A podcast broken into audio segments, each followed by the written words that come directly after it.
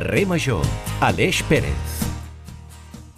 Molt bona tarda a totes i a tots. Estan sintonitzant Carrer Major, el programa de les 8 emissores locals del Camp de Tarragona. I quines són les emissores que fan possible dia rere dia aquest programa? Doncs Ona la Torre, Altafulla Ràdio, Baix Camp Ràdio, Ràdio L'Hospitalet, Ràdio Montblanc, La Nova Ràdio de Reus, Ràdio Ciutat de Tarragona i Ràdio La Selva, que conjuntament amb la xarxa de comunicació local permeten que els apropem tot el que passa al territori. I avui els vull compartir una petita cosa que m'ha fet molt feliç. I és que ahir va ser un dia cansat, però molt, d'aquells molt cansats. I a l'arribar a casa doncs vaig trobar-me una gran pata de macarrons feta per ma germana. Com a persona bastant bàsica i influenciable, doncs em va fer molt feliç. I aquesta sensació l'he tornat a sentir quan he dinat aquesta plata de macarrons. Així doncs, convido tothom a trobar doncs, aquella gent que la faci sentir així, com quan menges un plat de macarrons després d'un llarg matí de redacció. El que també fa els dies una mica millor és poder comptar amb la companyia i el suport incondicional de l'Antonio Mellado. Molt bona tarda. Tens algú que et faci sentir així? Molt bona tarda, Aleix. Doncs sí, sí, sí, sobretot la companyia dels amics. Eh? Els amics són aquella família que, que tries tu i a vegades doncs, te donen un suport incondicional i amb ells pots estar eh, segur mm, i sobretot eh, feliç, que això és l'important. Estar feliç i rodejar-te de bona gent. Efectivament. Saps qui no falla també? Doncs en els moments de desconcert i el caos més absolut també tenim el nostre gran tècnic, el Iago Moreno. Tot a punt, doncs, per gaudir de 55 minutets d'entreteniment i informació de quilòmetre zero de casa nostra. Fot-li, Iago!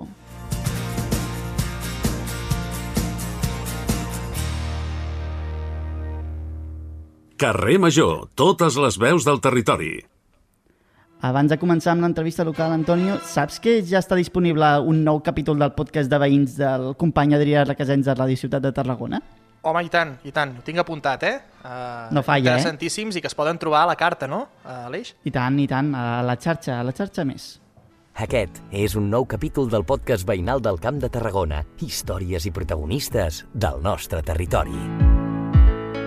Aquesta setmana el nostre protagonista és un home de camp, un home que ja en la seva època lluitava pels avenços del món agrari. Soc Joan Gamundi, tinc 84 anys, vaig néixer a Tortosa l'any 1939. Jo tinc molta història en qüestions d'agricultura i m'he dedicat a escriure llibres. Joan Gamundi, pèrit agrícola pioner en la seva època a Espanya, ens explica com uns californians van influir en l'inici de la seva trajectòria. Començar a treballar al Servei d'Extensió Agrària, que era, que era un servei que havien creat els californians amb motiu de, del pacte que va haver de l'antic règim nord-americans. Ells van dir que Espanya es podria implantar eh, el servei d'extensió agrària model californià. Històries, vides, trajectòries, anècdotes. Els nostres barris, carrers, places, municipis, pobles i ciutats compten amb un grapat de veïns i veïnes rellevants per una cosa o altra. El podcast veïnal de Carrer Major, el programa de les 8 ràdios de la xarxa al Camp de Tarragona, ens fa descobrir aquests perfils del territori cada setmana amb Adrià Requesens. No et perdis cada capítol a rctgn.cat. Podcast de veïns. Gent amb marca local. Què t'ha semblat, Antonio? Com l'has vist, el, el podcast? A mi em fa molt bona pinta, jo crec que no me'l perdré. Molt interessant, sempre està de més conèixer no? la, la vida de, de persones d'aquí del Camp de Tarragona, sovint poc coneguda i doncs, que amaguen doncs, biografies que amaguen realment sorpreses. Eh, serà molt interessant eh, i, de fet, el gaudiré, el gaudiré. Efectivament, doncs podeu recuperar aquest capítol complet després de, del tastet que hem escoltat a la plataforma Xarxa Més i a Ciutat de Tarragona.cat, a més del, del servei del programa La Carta i a xarxes socials. Ara sí, és hora de passar a l'entrevista local.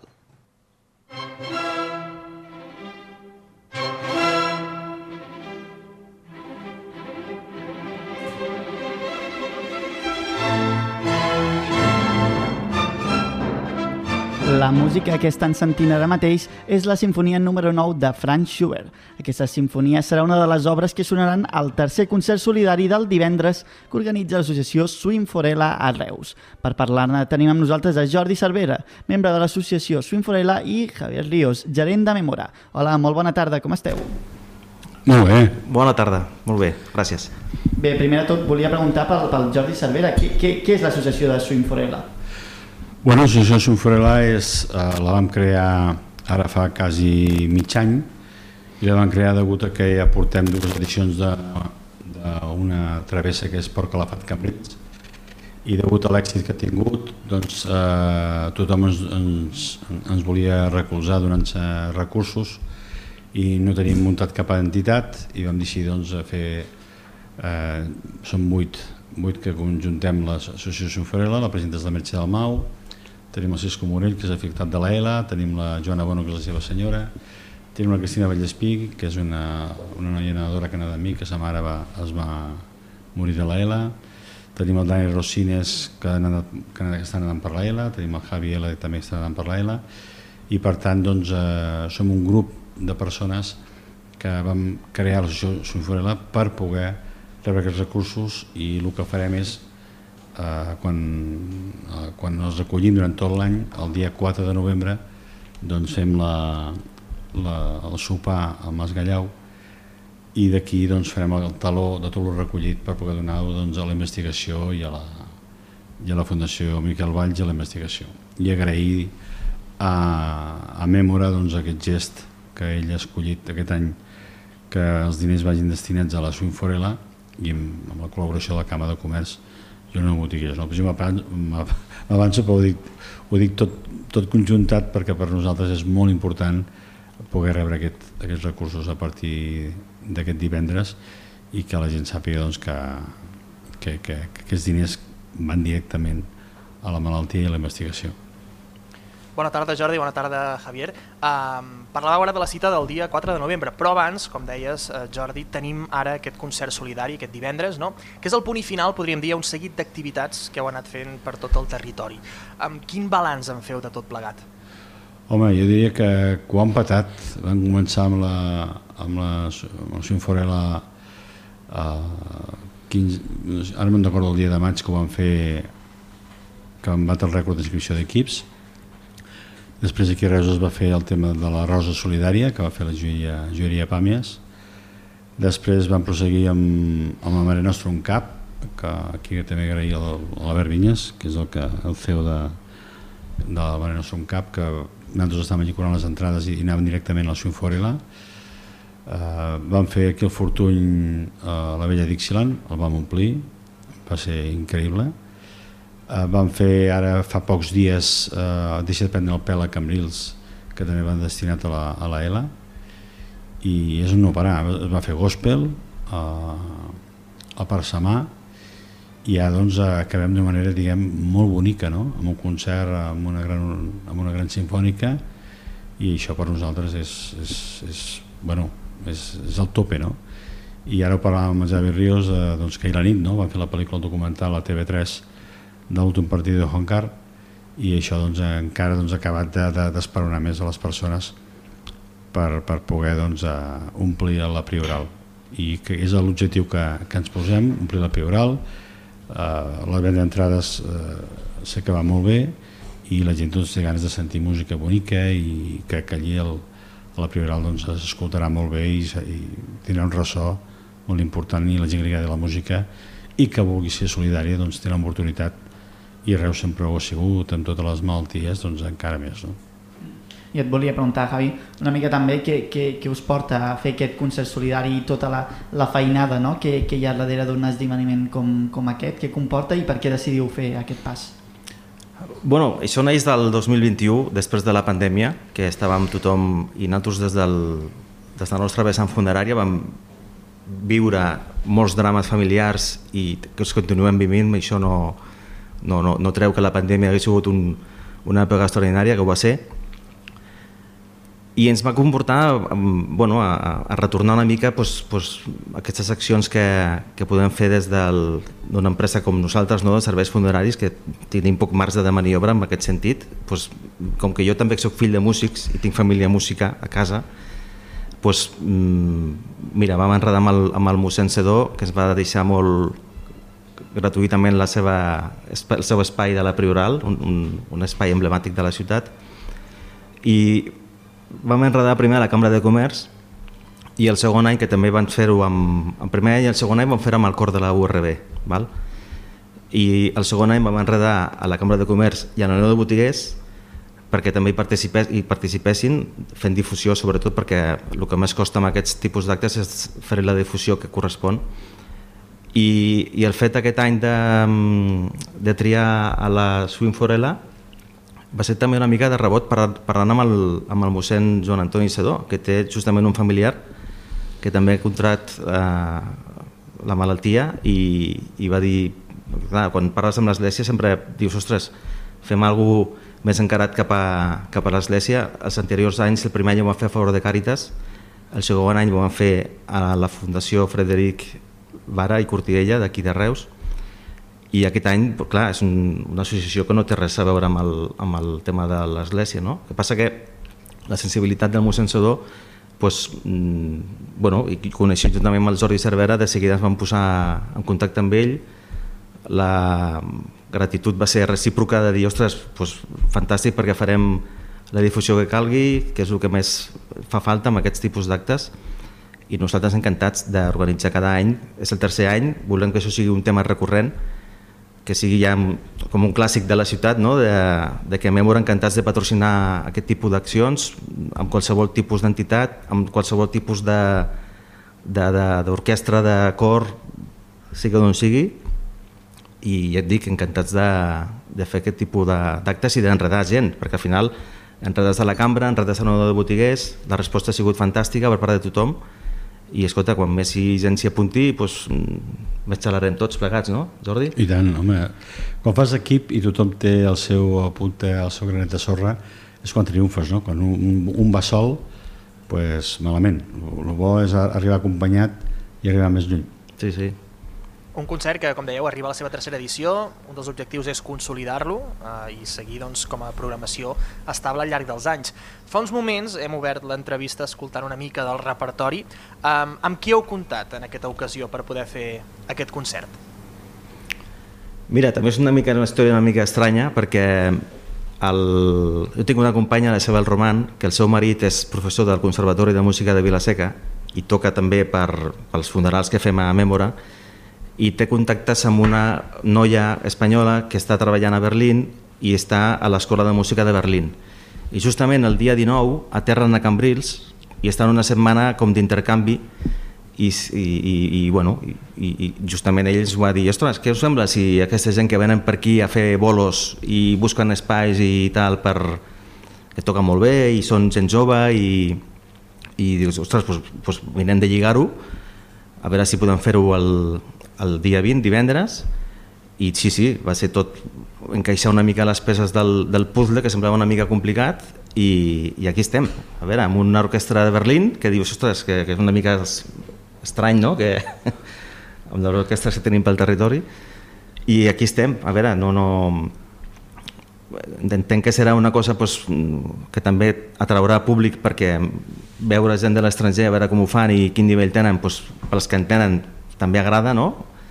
per comparar-te, bàsicament, i bueno, crec que serà, ja ho veurem divendres, a veure si estan a l'alçada de, de les expectatives o, o no. Tampoc no posarem nota perquè al final es tracta d'omplir la prioral i que la gent gaudeixi i que s'ho passin bé i, i, i a partir d'aquí doncs mira, que sigui el que Déu vulgui. És una mica aquest conjunt, no? potser de, digue-li de causalitats, digue-li de, de, de, de factors no? que, que porten doncs, a que s'internacionalitzi no? d'alguna manera també i, i, i diversifiqui perquè fins ara havíeu comptat amb el cor de la Universitat Rovira i Virgili i també doncs, és important no? també anar canviant i, i anar sí, el programa. però tampoc no era un objectiu eh, internacionalitzar tot, tot això, a veure, ha sigut casuísticament així i, i, i també el que parlàvem ara amb el Jordi de que justament ahir a TV3 fan la pel·lícula del, del Juan Carr a veure, és que això del dia 20 ho teníem programat ja des del mes de juliol, el qual dius, mira, casualitats de la vida o no, diuen tot, que... Tot té una, eh? Sembla, sembla que no, però tot té una continuïtat sí, i sí, sí. sense voler les coses ho vols, fer, ho vols fer expressament i no, i no surt. No surt, no, no, no està surt, clar, eh? està clar de cap manera. Sí, i a més també darrere d'aquest acte no hi ha el suport, de, ja ho, ho ha anat filtrant al llarg de l'entrevista de moltes empreses, de molts organismes municipals també, no sé ben bé que, quin, quin ha sigut també la relació amb ells i la importància també de que s'hi sumin aquests, aquests ens locals en, en aquesta iniciativa.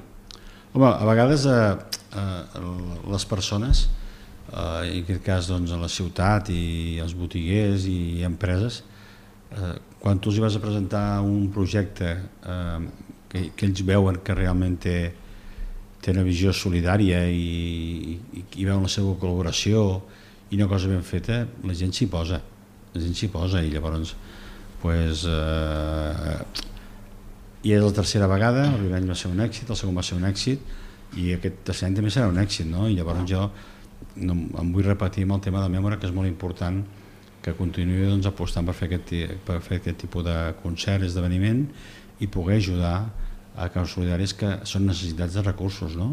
Hi ha una societat civil, doncs, quan veu una cosa que està ben muntada, doncs això s'hi posa, la Cama de Comerç doncs, té un gran equip, aquí agrair la feina que fa la Gemma, eh, increïble, i pues, tot el meu botiguer, a través de la seva presidenta i la seva junta, i aquí doncs, bueno, eh, el que vol la gent doncs, amb la seva entrada té opció que li toqui alguna cosa i això doncs, està molt bé i, i si algú va allí i encara surt amb un paquetet d'alguna cosa de regal doncs això doncs, a la gent ho agraeix no? i bueno, i és una, crec que és una oportunitat enorme que pugui vindre una sinfònica de Berlín a tocar, no? quin també en tenim però bueno, doncs, ha sigut una casualitat que sense anar a buscar res, doncs, bueno, ho tindrem i podrem gaudir d'un bon, bon concert i que la gent doncs, marxi contenta cap a casa i, i sapiguen el que, el que hi haurà. No? Sí, sobretot, jo que em, ja saps, Jordi, que jo estic amb el, amb el tema de la mort dia sí dia també, crec que aquest, aquest, aquests tipus d'actes ajuden a, a viure eh? i al final la gent ha de tenir ganes de viure i de fer coses i de compartir coses, ser generosos, ser solidaris i, i escolta, ja està el món prou fotut com per... Bueno, jo, jo que m'hi passo, jo, jo estic ara molt, molt, molt entregat a la, a la ELA, no? Eh, soc eh, íntim amic del Cisco Morell, que és l'afectat de l'ELA de, de Cambrils i, i ara fa pocs dies també ha agafat un, un noi de Reus, fa uns 20 dies, i, i gent que ho, que ho ha fet, gent que ha marxat, gent que, que ho està patint i realment doncs, eh, això també ajuda a viure, no? Vull dir, hi ha persones doncs, que, que volen recolzar d'una manera, uns altres ho volen fer d'una altra i quan fas un acte d'aquests tipus solidaris doncs la gent també se, veient el que passa al món doncs eh, diu no, doncs, hi, hi som, no? Hi som i, i on que puc ajudar? Doncs mira, jo ja puc fer això, doncs ja puc tocar allò, pot, pots fer l'altre, ja puc tocar en aquell, a vegades no és qüestió de diners, no? és qüestió de col·laboració i poder ajudar les persones, no? i aquí a Reus doncs, hem demostrat que estem en totes les, en totes les guerres. Sí, no? sí, està clar. Estem en totes les guerres. Aquí el sopar del càncer és un èxit, el sopar de l'esclerosi múltiple és un èxit, el sopar de l'Alzheimer és un èxit. Per tant, quan tu veus que, que vas a un lloc i, i que els diners van destinats realment a la causa, i que hi ha uns fruits i que allò és un bé per a les persones, doncs això doncs, el que fa és omplir-te més, no? I en el meu cas, doncs, jo, doncs, jo què sé, doncs, nedar, no? I què vam fer? Doncs organitzar una travessa i recollir diners, vam recollir més de 40.000 euros amb una travessa que es fa per equips mm. i doncs, s'ha fet, fet un, una, una cosa molt maca i d'aquí doncs, ve doncs, que tothom ja vol, vol saber la data que es fa l'any que ve a la Sinforela i, bueno, i entre tots ens puguem fer tot, no?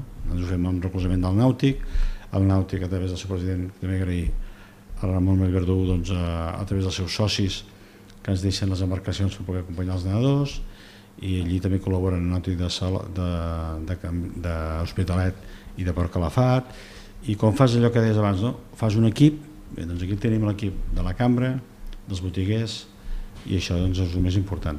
Sí, doncs, eh, que queda clar no? amb les nombroses iniciatives i també la, la resposta de la gent estarem atents, marcarem el calendari el divendres no? a, a dos quarts de nou a la Prioral de Sant Pere de Reus moltíssimes gràcies Jordi Cervera i Javi Ríos pel vostre temps per venir a explicar aquí una iniciativa tan necessària i que alhora també diu molt sí. Dic que la gent, eh, les persones que vulguin anar doncs poden anar a botiga tenen entrades i allí també es podran vendre a l'entrada a l'església. Eh, suposo que encara en quedaran, però de moment la venda va molt bé i que la gent sàpiga que també pot comprar aquell dia les entrades a, a la, a la privada. Sí.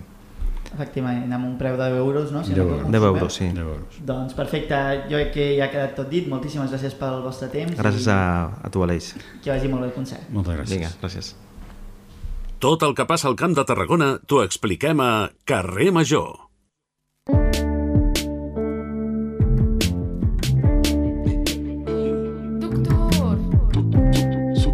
Está flaco. Atibórrelo. No quiero más puré, qué rica la tortilla. I arribem ara a l'hora dels col·laboradors, aquesta hora on els dimecres, cada 15 dies, com sempre, ja sabeu que tenim el nostre nutricionista de confiança, el Guille Mena. Com estàs, Guille? Molt bona tarda. Molt bona tarda a tots i a totes. Què tal, com esteu? Molt bé, molt bé, amb moltes ganes de que ens il·luminis, de que ens il·lustris amb, amb aquest element no? que a vegades malauradament s'invisibilitza amb el dia a dia, que és l'alimentació, i aquest era el tema que et volia portar avui a, a col·lació, el tema de que, ostres, tenim les nostres feines, treballem moltes hores, com és compatible menjar de manera saludable quan tenim poc temps?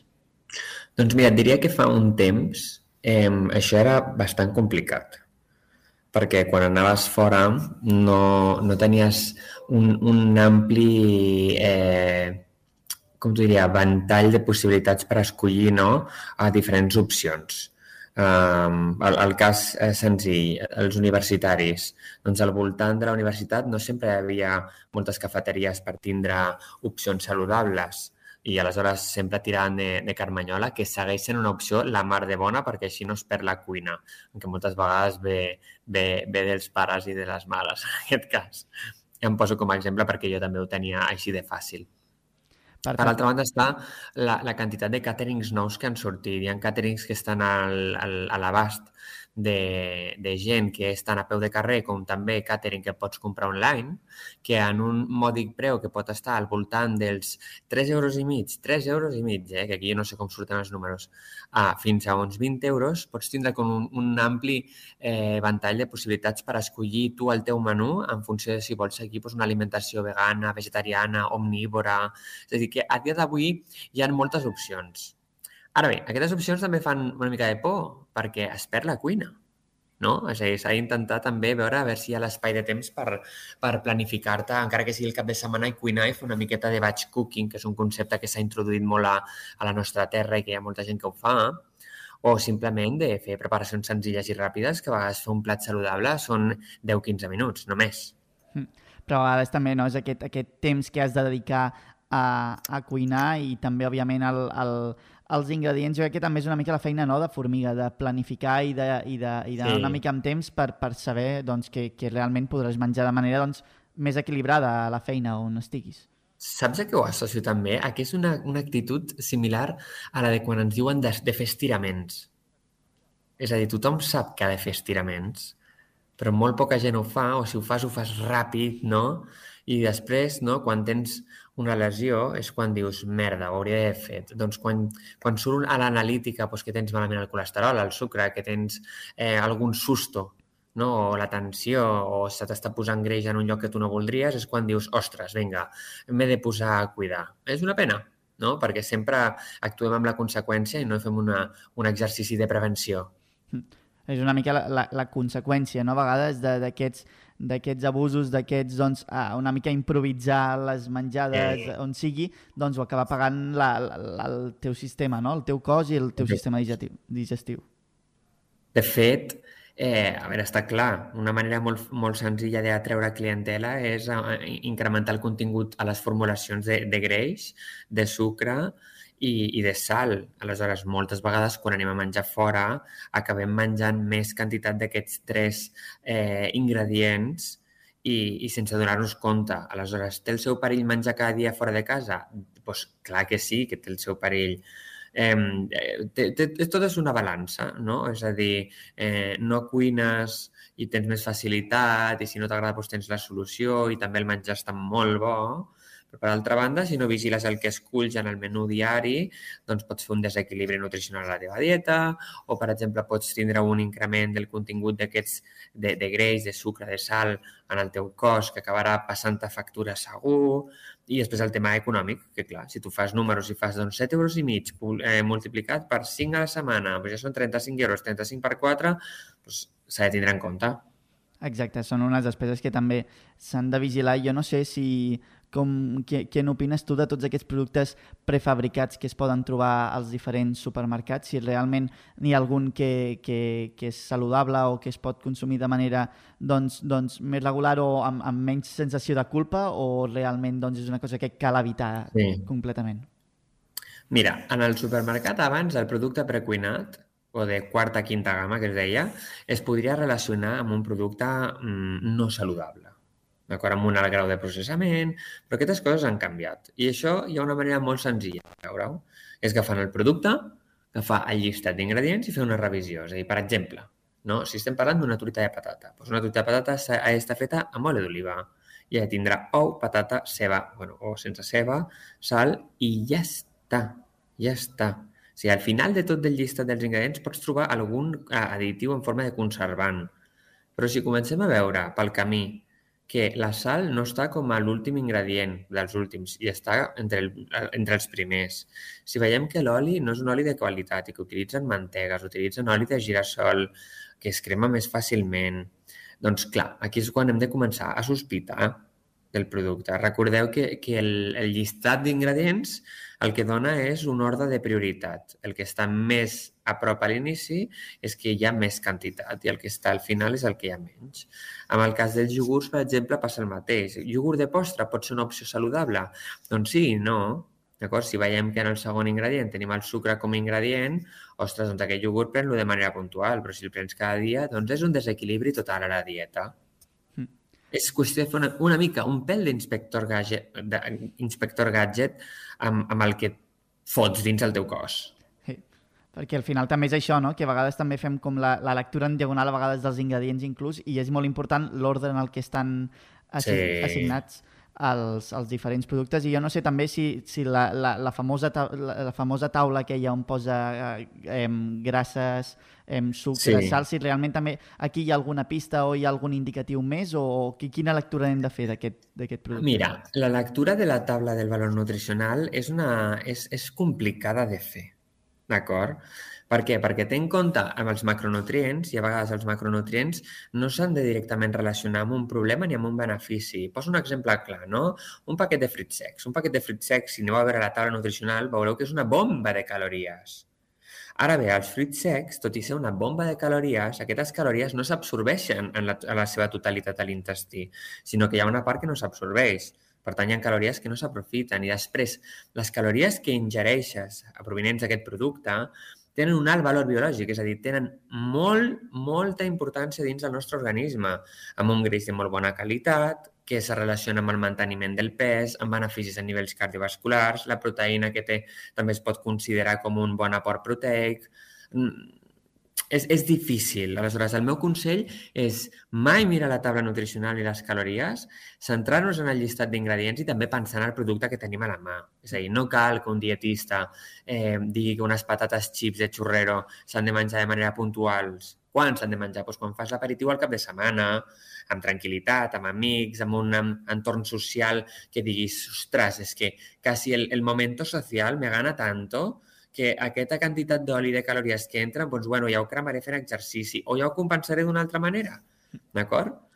Ara bé, clar, si comencem a picar entre hores, ai, no m'he organitzat bé, bueno, agafo algú al bar, vinga, agafo un entrepà. Eh, eh, quan hi ha aquest desordre és quan acaba venint el problema. El problema sol ser un guany de pes que no es desitja. Per tant, quins són potser els, els productes o el, o el, el que recomanaries tu en cas de, de badar, en cas de no tenir res per menjar, trobar-te a l'oficina, trobar-te en un lloc on quins menjars o quins llocs creus que hauríem de, de recórrer per doncs, pal·liar aquest, aquest mal? Mira, jo, eh, clar, com que no tenim aquí ara mateix algun sponsor eh, que ens... Que estaria ens, Eh, exacte, que ens il·lustri d'acord amb, amb, el, amb, el, amb el programa, perquè no l'hem buscat. Eh, jo faria que la gent fes una cerca sobre aquests càterings online que hi han, tant d'alimentació omnívora, vegana, vegetariana, que t'ho porten a casa, d'acord? Que, que inclús utilitzen eh, envasos sostenibles i fàcils de reciclar, perquè per a aquelles persones que van despistades en el tema tinguin una solució ràpida amb la que actuar. Per altra banda, també les persones que van a l'oficina de manera presencial i tenen al voltant, doncs, si és en un polígon, si és al centre de la ciutat, si és un complex d'edificis, que facin una volta al voltant, Perquè moltes vegades ja els bars el que han fet són aquests menús executius, que permeten que amb un preu eh, assequible, això depenent de cada butxaca, tu tinguis l'opció l'opció a escollir. I moltes vegades inclús als bars, si tu els dius, mira, jo seré un client recurrent, eh, que em podries fer això? Doncs moltes vegades la resposta és que sí. I, I aquesta informació la tenim gràcies als pacients que han fet aquesta, aquesta volta per als restaurants. Per tant, aquesta seria una altra solució.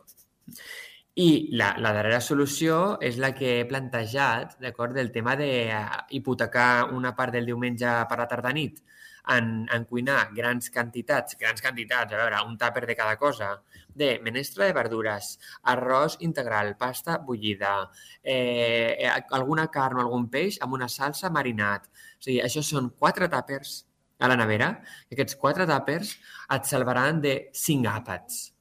Això va superbé, va extremadament bé, però has d'agafar l'hàbit de fer-ho. Exacte, i també ho fas de manera equilibrada i és això, no? que en un moment doncs, et pot solucionar per tota la setmana, perquè realment són I, 4 o 5 i menjades. Pasta, i estalvies pasta, t'estalvies pasta, sí, sí. Ja, sí, clar. Exacte, llavors, com a resum i una mica de recapitulació, en el cas de que tinguis temps, tinguis ganes, tinguis l'energia doncs, de planificar-ho, que és la, el, diguem, la, la, la millor solució, i si no també això, no? ser flexible, si vas en algun lloc, en un bar, en un restaurant també, de que puguis menjar alguna cosa, doncs potser que no sigui tan, de, tan, tan ostentosa no? i pugui ser igualment sana. Correcte, correcte, correcte, correcte. Molt bé, doncs moltíssimes gràcies, Guillem. Que, que aquestes, aquestes explicacions, indicacions que ens dones ens donen llum perquè realment a vegades el dia a dia se'ns menja no? i és important també recordar aquests consells i aquests detalls per, per la gent que a vegades doncs, menja de qualsevol manera a l'oficina. I aprofitem que ara hi ha molt al mercat per poder-nos aprofitar d'aquests temes. Per tant, toca explorar. Efectivament, doncs moltíssimes gràcies, Guille, pel teu temps i ens veiem d'aquí 15 dies.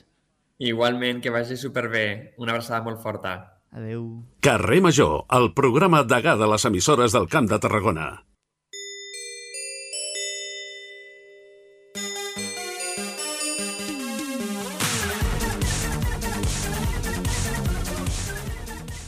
Eh, aquesta música, d'on surt, eh, Antonio? D'on surt aquesta música tan tecno, tan de 2000, 2000 era? Saps qui són aquests, Aleix? No, no tinc el ple. són Ojete Calor, eh? Que Què? ens porten aquí, sí, uh, un grup bastant peculiar format per Carlos Areces i un altre senyor que ara mateix no, no, no, no hi caic i que ens porten aquest tema que és Viejoven i precisament avui anem a parlar de vells, de joves i de la paraula, d'una de les paraules que està de moda, Aleix. No sé si has sentit a parlar de la senolítica. Te sona aquesta paraula? No, do, doncs no, no sé, no sé per on vas.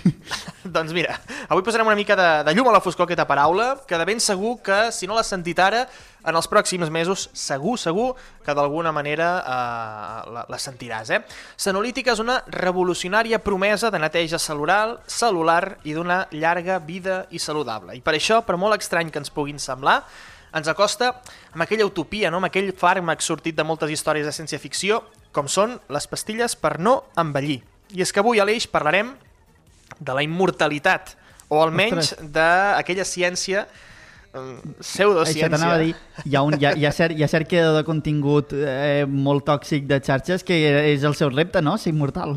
Sí, sí, sí, no, està treballant en la immortalitat, doncs suposo que aquest concepte, si un dia el convidem aquí a Carrer Major, tenim aquest ple. Bueno, Ostres, ple, tenim o... contingut per hores, eh? tenim contingut per hores i segur que ens parlaria d'aquesta ciència, d'aquesta pseudociència que es diu la senolítica. Abans de tot, anem a PAMS, eh? Mira, comencem amb una mica d'explicació així eh, biològica sobre què passa quan envellim. Mira, quan envellim, les nostres cèl·lules, les cèl·lules velles, s'acumulen i comencen a danyar l'organisme. I llavors aquesta ciència diu, ostres, i què poguéssim fer si les poguéssim netejar? I si en envellir poguéssim deixar el teu cor com a nou, o el teu cervell i totes les altres parts del cos que ens, que ens envelleixen? Doncs això és precisament el que dèiem, eh? el que promet un dels principals protagonistes en la cerca de la longevitat, els senolítics. De senolítica venen els senolítics. Les cèl·lules senescents són males influències per les cèl·lules fortes, eh? Les envelleixen. Tu t'has d'imaginar com si tinguéssim una poma i de sobte doncs, aquests sen, uh, les cèl·lules senescents comencessin a fer-la a podrir-se. No? Per això diuen que la senolítica és tan prometedora. Funciona desfent-se del que fan les cèl·lules sanes de, de, dels, perdó, del que fan que les cèl·lules sanes es passin al costat fosc. Aquesta ciència treballa des del 2008 amb doncs, amb creixent intensitat, podríem dir. Ha començat, va començar com una cosa residual i cada cop va guanyant més adeptes. Uh, què volen buscar? Doncs com dèiem, eh? l'envelliment revertir l'envelliment mitjançant una hipòtesi senolítica, que li diuen. La missió bàsica és utilitzar aquests agents per acabar amb les cèl·lules velles i alentir els processos d'envelliment. Tu t'ho creus, això, Aleix? Home, a veure, jo no, no, no parlaré, no, no, no, faré, no faré com aquella gent de Twitter que fa veure que sap de tot, però a mi jo, jo, no, ho veig, jo no ho veig molt viable, no? O sigui, comptant que hi ha una cosa que es diu dimensió de, de temps, no? Que, que jo crec que aquesta i les lleis de, les lleis de, de la física jo crec que, que uh -huh. poden més que, que totes les cèl·lules i tots els tractaments que es puguin inventar. De moment, però, tenim alguns resultats d'alguns estudis, que ara, ara en parlarem. Hi ha científics de la Universitat de Califòrnia San Francisco, als Estats Units, que van infondre contínuament sang de ratolins joves a ratolins vells i van descobrir que els ratolins vells doncs, s'acabaven doncs, convertint eh, tenien les funcions de com si fossin joves.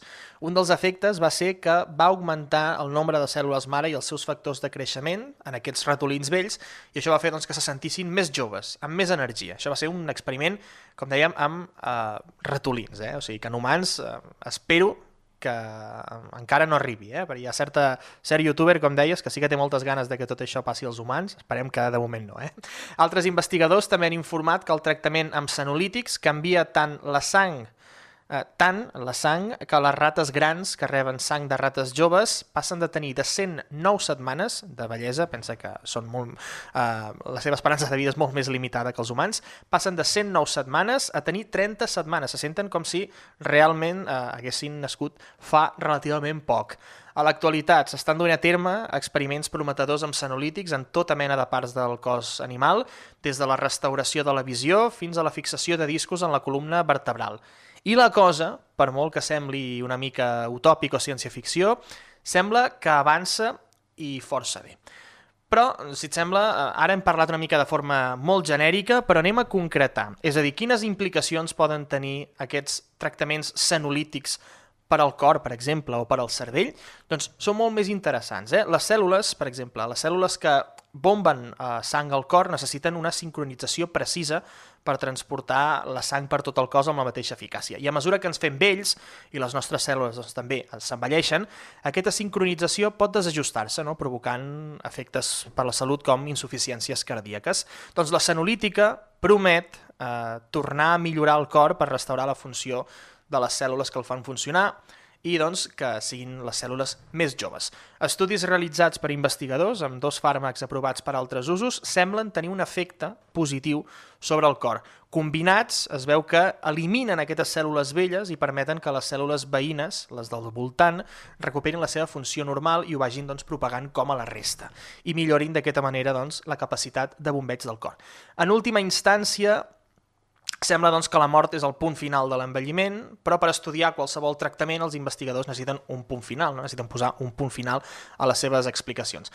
Per això s'estudien tractaments en afeccions com l'artritis del genoll o el dolor d'esquena, o cèl·lules mare en pacients amb insuficiència cardíaca, etc etc. De moment, hi ha moltes preguntes, Aleix, eh, que amb el temps i amb l'estudi es podrien ja arribar a resoldre, ja. com per exemple, doncs, si els senolítics poden arribar a revertir doncs, precisament l'artritis, si es poden aplicar en general a l'envelliment, eh, inclús es planteja si es podria injectar en el cervell un fàrmac senolític que elimini la inflamació i el dolor del genoll per prevenir la deterioració, la, la, la, el deteriorament perdó, de la memòria.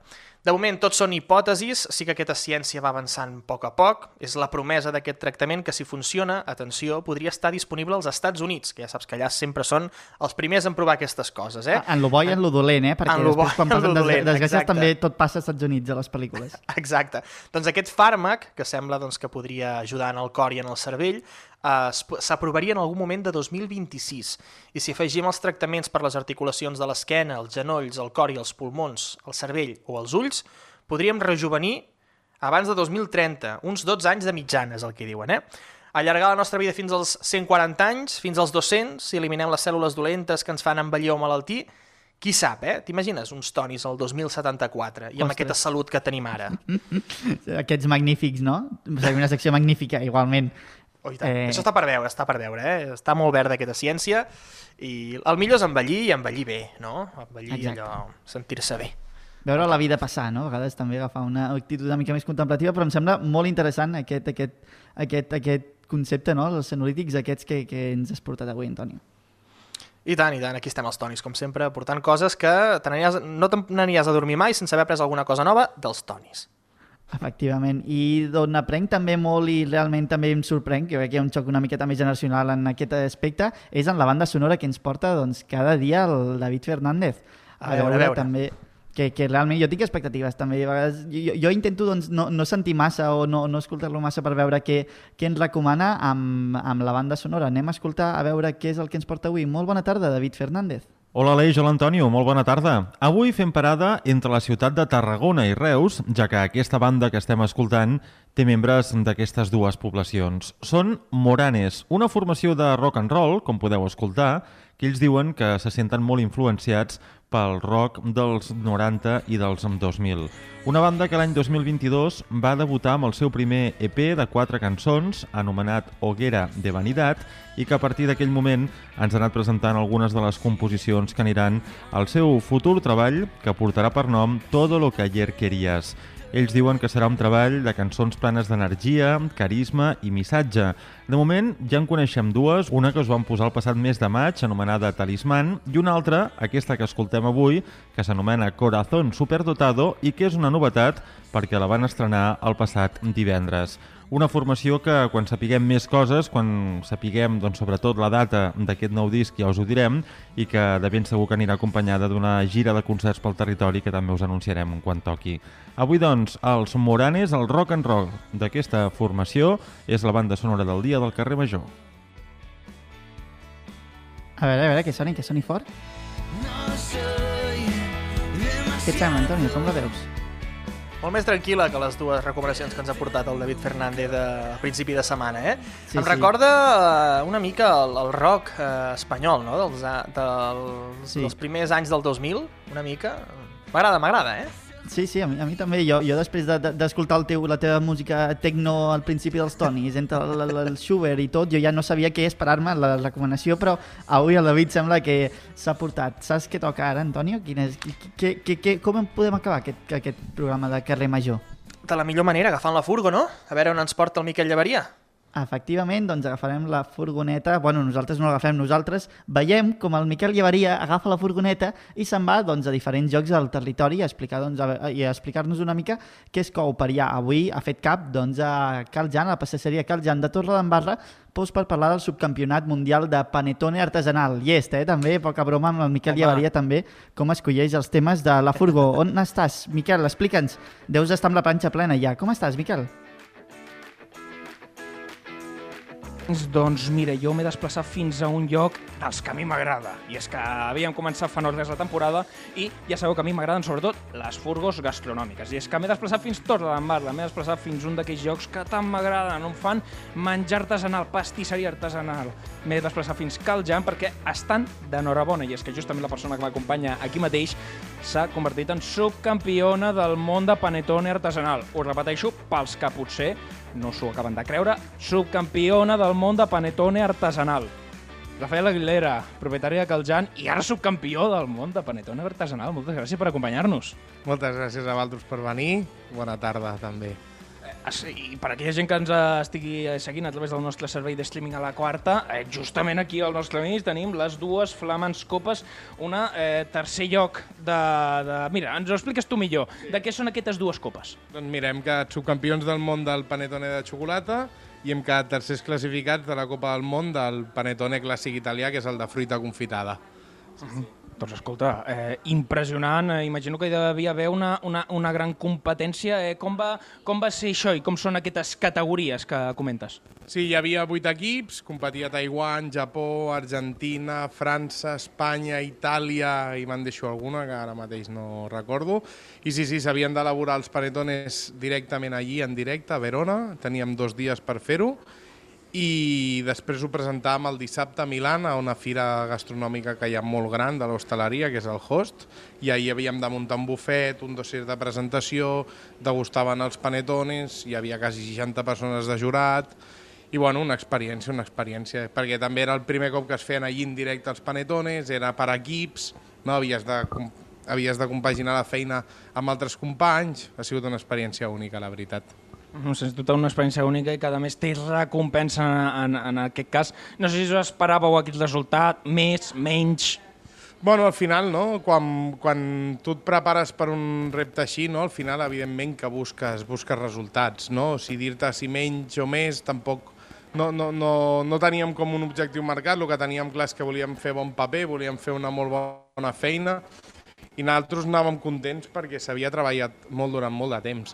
I doncs al final això és una mica, hem recollit el que s'havia treballat durant aquests mesos, que portàvem bones receptes, portàvem bon sistema de treball i tot, i veient com ha anat, ostres, estem molt contents, perquè exceptuant Itàlia, que ho va guanyar tot, perquè vull dir, Itàlia és on teneix el Panettone, tot això, vull dir, hem sigut l'únic equip europeu que, que ha aconseguit podi en diverses categories, llavors estem molt contents.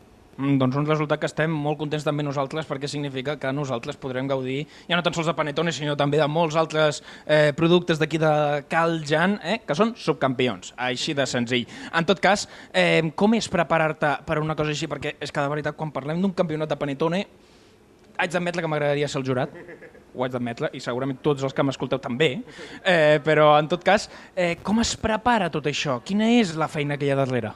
Pues, bueno, evidentment, el primer és decidir quines receptes vols portar. Evidentment, has de portar unes receptes que, que, pues, que són més portades al límit, podríem dir, molt més delicades, amb més càrregues de grassa, més càrrega de xocolata. Has d'anar a portar quasi un producte únic que després tu a la casa, a la teva botiga, quasi idèntic no el pots ficar, perquè evidentment és com si qui va córrer una marató intentés córrer cada dia els 42 quilòmetres. Seria impossible, no? I doncs, doncs tota aquesta preparació passa per triar els ingredients, per triar en quins tempos els farem servir, fer les proves amb els ingredients escollits, no? compaginar, que no se'n solapéssim els tres al forn, saps quin tipus d'amassadora tindríem allí, totes aquestes coses, saps? Al final vas a treballar fora de casa teva. Aquí ho fas cada dia, coneixes les temperatures, coneixes les màquines, coneixes el teu equip, allí no allí t'ho trobes tot de zero. Per exemple, ens vam trobar 28 graus perquè feia una calor espantosa, una cosa que no contemplàvem, no? I bueno, i t'has d'adaptar al final, vull dir, però bueno, el bo d'això que per tots els equips eren les mateixes condicions. I eh, de quants mesos de preparació hi han darrere per... Pues, mira, en aquest cas arribar a ser subcampions. Sí, uns 5-6 mesos vam estar preparant. El primer mes potser més part teòrica, no? Pampant receptes, buscar sponsors, totes aquestes parts i potser els últims tres mesos és quan més vam estar, amb, com aquí qui diu, les manos en la massa. Perquè clar, has de pensar que un, el meu equip era el Tom Cortés de Barcelona, José Romero, que era l'entrenador, era de Barcelona, José, José Manuel Marcos Candela, que és de València, l'altre l'Alfonso Quintero, que és de Sevilla. Clar, moure tota aquesta gent, quadrar dates any i entrenar, doncs, evidentment és complicat. Vull dir, viatges amunt, avall, gènere, receptes... Va. Però bueno, al final forma part de l'aventura, no? Evidentment és complicat, però imagino que a part del de, goig de poder aconseguir aquest resultat, també a la vegada és aquest punt de reivindicar no? uh, la, la, el que és el producte artesanal, aquell producte que es fa des d'una pastisseria com aquesta ara mateix d'aquí, que està oberta al públic i que hi ha gent eh, venint a fer les seves comandes, alguna hauré de fer jo també, perquè de veritat que jo començo a tenir gana a aquestes hores de la tarda. En tot cas, eh, imagino que també serveix per això, no? per eh, dir, ei, que aquí estem nosaltres i estem perquè oferim el producte de qualitat. Sí, això és superimportant. Per mi és la part més important, que gràcies a aquests reconeixements i això, ara avui doncs, tinc l'oportunitat d'estar parlant amb altres, de que es vegi de que la feina artesana, que hi ha molta gent que dia a dia està, està, està fent molt bé les coses, no? que, que a vegades ens ha de fer reflexionar on anem a comprar, com anem a comprar i tot, perquè al final hi ha, hi ha molta gent que, que viu d'això i que, que ens hem de fer sentir, ens hem de posicionar. Al final, per, per treure un panetone, per treure qualsevol producte de pa, de vitrina diari, hi ha d'haver molta gent darrere, saps? Que al final, que és producte que si no es ven va fora, saps? Vull dir, hem, entre tots hem de fer un esforç de consciència i, i anar a apoyar sobretot el, les feines artesanes perquè no podem permetre que, que desapareixin. Sens dubte, i la furgo sempre al costat d'aquestes feines artesanes, sobretot si són gastronòmiques. En tot cas, ja que hem parlat de panetone, i t'haig d'admetre que al cap i a la fi, quan penses en diversos productes de bulleria, o croissants, un panetone, eh, qualsevol altra cosa, el panetone és potser d'un dels que menys penso que la gent s'animaria a fer a casa, potser, no sé si és dels més complicats, algun consell per fer el teu propi panetone o, o és massa a la piscina? És molt complicat, és molt complicat, va amb massa mare, la massa mare s'ha de cuinar cada dia, la cuidem dia a dia, és com un mes a l'equip, nosaltres diem que és el nostre fill, cada dia s'ha de cuidar i són un procés de moltes, moltes hores. Porta dos amassats, el primer amassat ha de triplicar el seu volum, que amb sent massa mare estem parlant d'entre 12 i 16 hores, té parts molt tècniques. Nosaltres sempre ho diem, el panetone et dona la vida et treu la vida, però és, genera addicció. Jo, sincerament, que a casa facin moltes coses, però jo crec que el panetone, si el vol disfrutar, és una de les coses que és molt bonica d'anar a comprar a negocis com el nostre i com altra gent que arreu de Catalunya, a Tarragona, a tot arreu, hi, ha gent, hi ha molta gent que el fa molt bé. I no sé si a vosaltres fa una mica de ràbia, a mi sí, el fet de la, la cuina, la gastronomia, lo que és, eh, tota la feina que hi ha darrere un panetone i ens el cruspim en 5 minuts. I a mi m'encantaria estar-me eh, 24 hores eh, rosegant un panetone de, de xocolata, no sé si a vosaltres també us fa ràbia. Bueno, jo crec que, que, que, que al contrari, ens dona il·lusió, no? Quan tu fots un plat a taula o un panetone o el que sigui veus que desapareix i que la gent es queda amb ganes de repetir, és senyal que tota aquesta feina l'has fet ben feta, jo crec. Això és el més bonic. Quan el client o quan si ho menja, no? El panetone, quan, el, quan regales un panetone a algú i veus que el disfruta, és potser dels moments més satisfactoris, no? Quan a, a la vegada que el veus que el forn ha pujat, que té la forma bonica, el tall, que estem pendents del tall sempre que es vegi bonic i tal, quan el prova la gent i veus la seva reacció, jo crec que és la part més bonica que té aquest producte. Mm, Doncs una part ben bonica que es tradueix també amb gent que va entrant aquí a Caljan, amb, amb el, que jo mateix animo la gent que vingui aquí a Caljan i a qualsevol altre lloc eh, artesanal per gaudir d'aquests productes de la nostra terra, gastronomia de, del Mediterrani, del que sigui. Eh? Tenim la millor gastronomia de totes i ja està, jo, jo, ho- jo ho dic així. Però en tot cas, sobretot el que faig ara mateix és agrair-te, eh, Rafael Aguilera, propietari de Caljan i subcampió, no me cansaré de dir-ho, subcampió de, del món de panetone artesanal. Moltes gràcies per haver-nos acompanyat uns minutets a Carrer Major. Molt bé, gràcies a vosaltres per venir i sempre que vulgueu teniu les portes obertes. I ara, la veritat, eh, jo us deixo a lo vostre, jo me'n vaig a fer una mica de berenar. Vinga, No, ciao. sí, ja, no, sí, ja, sí, ja ho veiem venir, no, no, no, no, és, no és una sorpresa, no és una sorpresa, Antonio. No. Que bé que s'ho passen, eh, alguns? Sí, Home, és que aquí- ara és bastant tentador, eh? Més amb el... Uf, és que ens ha fet les dents molt llargues, eh, el, el Miquel, amb aquest panetone. No, clar, i, i a més és una cosa que jo crec que fins que no la proves realment no, no, no, no pots imaginar-te quin, quin gust té, no? El segon millor pane, panetone del món. Però és que és, és que és del món, eh? O sigui, és una cosa molt seriosa. No, no és de la comarca, de la... No, no, no, és del món. Mm. T'anava a dir, tu- tu has provat alguna vegada a fer, a fer panetone o a fer alguna, alguna època aquella fosca de la pandèmia on la gent feia pa o feia coses així? Has provat alguna vegada a fer, a fer no, receptes? no vaig ser, no vaig ser d'aquells que durant la pandèmia es va llançar a fer receptes, eh? La meva germana sí, la meva germana inclús ara encara ens fa uns cocs i unes magdalenes boníssimes, però jo no, jo sóc més de degustar-ho. M'agrada ja gaudir del, de, de, del resultat final, no tant del procés. Que, que, que, que aquí tant, tant el Miquel com, com tu i jo som bastant, som bastant d'aquest mateix grup. A mi m'agrada cuinar, però, però la reposteria sí que he d'admetre que, em, que em costa una mica més. Jo crec que també s'ha de tenir més paciència. Ah, exacte, és el que t'anava a dir. Molta paciència i, i molta mà, eh? perquè si et passes una miqueta amb algun dels, dels valors, mmm, pot quedar un, un nyap ben gran. Exacte, com, eh, com s'ha de fer una mica amb el carrer Major, no? aquest programa que fem durant dues hores, vuit emissores del Camp de Tarragona i que ja estem encarant en els últims segons del programa. Moltíssimes gràcies, Antonio Mellado, per acompanyar-me un dia més. Igualment, Aleix. Fins demà. I, I nosaltres que tornem demà. Vagi bé, cuideu-se, feu bondat. Adeu. Adeu.